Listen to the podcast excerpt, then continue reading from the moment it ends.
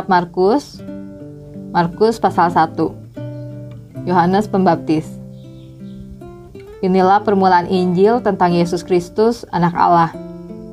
Seperti ada tertulis di dalam kitab Nabi Yesaya, Lihatlah, aku menyuruh utusanku mendahului engkau. Ia akan mempersiapkan jalan bagimu. Ada suara orang yang berseru-seru di padang gurun, Persiapkanlah jalan untuk Tuhan, luruskanlah jalan baginya. Demikianlah Yohanes Pembaptis tampil di padang gurun dan menyerukan, Bertobatlah dan berilah dirimu dibaptis, dan Allah akan mengampuni dosamu. Lalu datanglah kepadanya orang-orang dari seluruh daerah Yudea dan semua penduduk Yerusalem, dan sambil mengaku dosanya, mereka dibaptis di sungai Yordan. Yohanes memakai jubah bulu unta dan ikat pinggang kulit, dan makanannya belalang dan madu hutan. Inilah yang diberitakannya. Sesudah aku akan datang ia yang lebih berkuasa daripadaku. Membungkuk dan membuka tali kasutnya pun aku tidak layak. Aku membaptis kamu dengan air, tetapi ia akan membaptis kamu dengan roh kudus. Yesus dibaptis Yohanes. Pada waktu itu, datanglah Yesus dari Nazaret di tanah Galilea, dan ia dibaptis di sungai Yordan oleh Yohanes.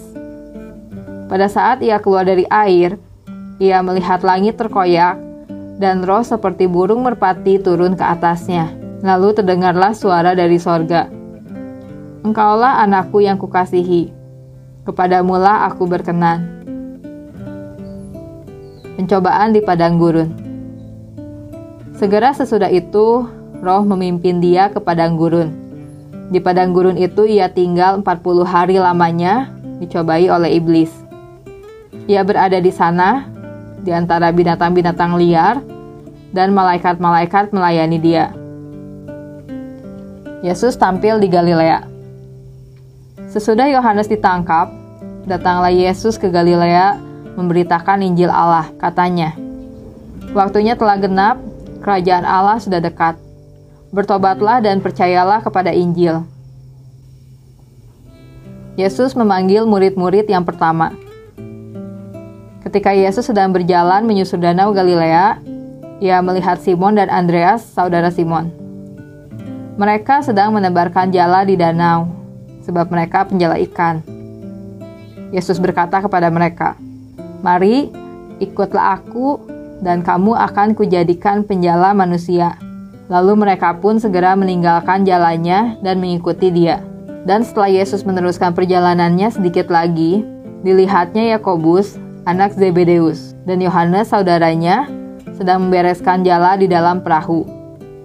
Yesus segera memanggil mereka, dan mereka meninggalkan ayahnya Zebedeus di dalam perahu bersama orang-orang upahannya, lalu mengikuti dia. Yesus dalam rumah ibadat di Kapernaum.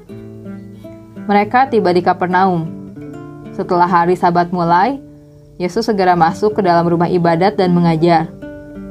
Mereka takjub mendengar pengajarannya, sebab ia mengajar mereka sebagai orang yang berkuasa, tidak seperti ahli-ahli Taurat. Pada waktu itu, di dalam rumah ibadat itu, ada seorang yang kerasukan roh jahat. Orang itu berteriak, Apa urusanmu dengan kami, hai Yesus orang Nazaret? Engkau datang hendak membinasakan kami? Aku tahu siapa engkau, yang kudus dari Allah. Tetapi Yesus menghadiknya, katanya, Diam, keluarlah daripadanya. Roh jahat itu menggoncang-goncang orang itu, dan sambil menjerit dengan suara nyaring, ia keluar daripadanya. Mereka semua takjub, sehingga mereka memperbincangkannya. Katanya, apa ini? Suatu ajaran baru. Ia berkata-kata dengan kuasa. Roh-roh jahat pun diperintahnya, dan mereka taat kepadanya. Lalu tersebarlah dengan cepat kabar tentang dia ke segala penjuru di seluruh Galilea. Yesus menyembuhkan ibu mertua Petrus dan orang-orang lain. Sekeluarnya dari rumah ibadat itu, Yesus dengan Yakobus dan Yohanes pergi ke rumah Simon dan Andreas. Ibu mertua Simon terbaring karena sakit demam.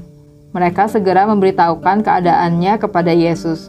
Ia pergi ke tempat perempuan itu dan sambil memegang tangannya, ia membangunkan dia. Lalu lenyaplah demamnya.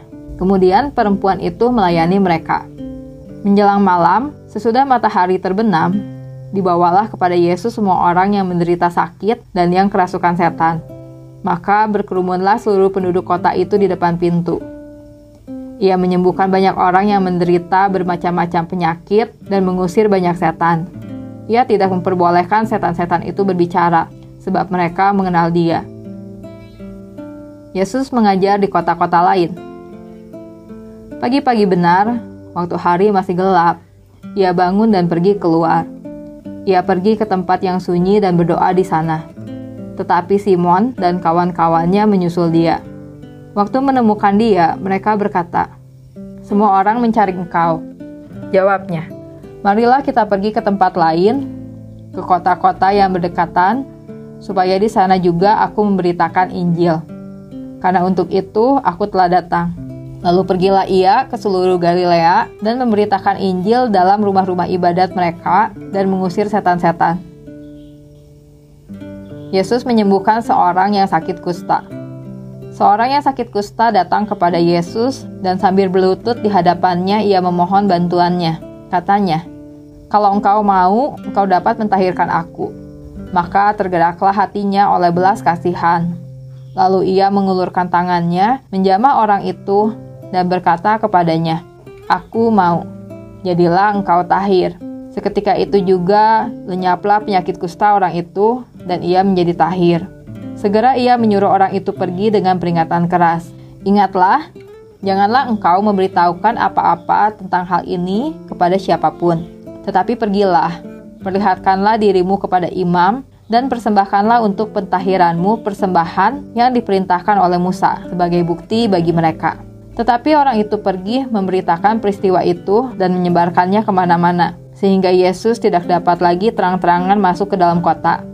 Ia tinggal di luar, di tempat-tempat yang sepi, namun orang terus juga datang kepadanya dari segala penjuru.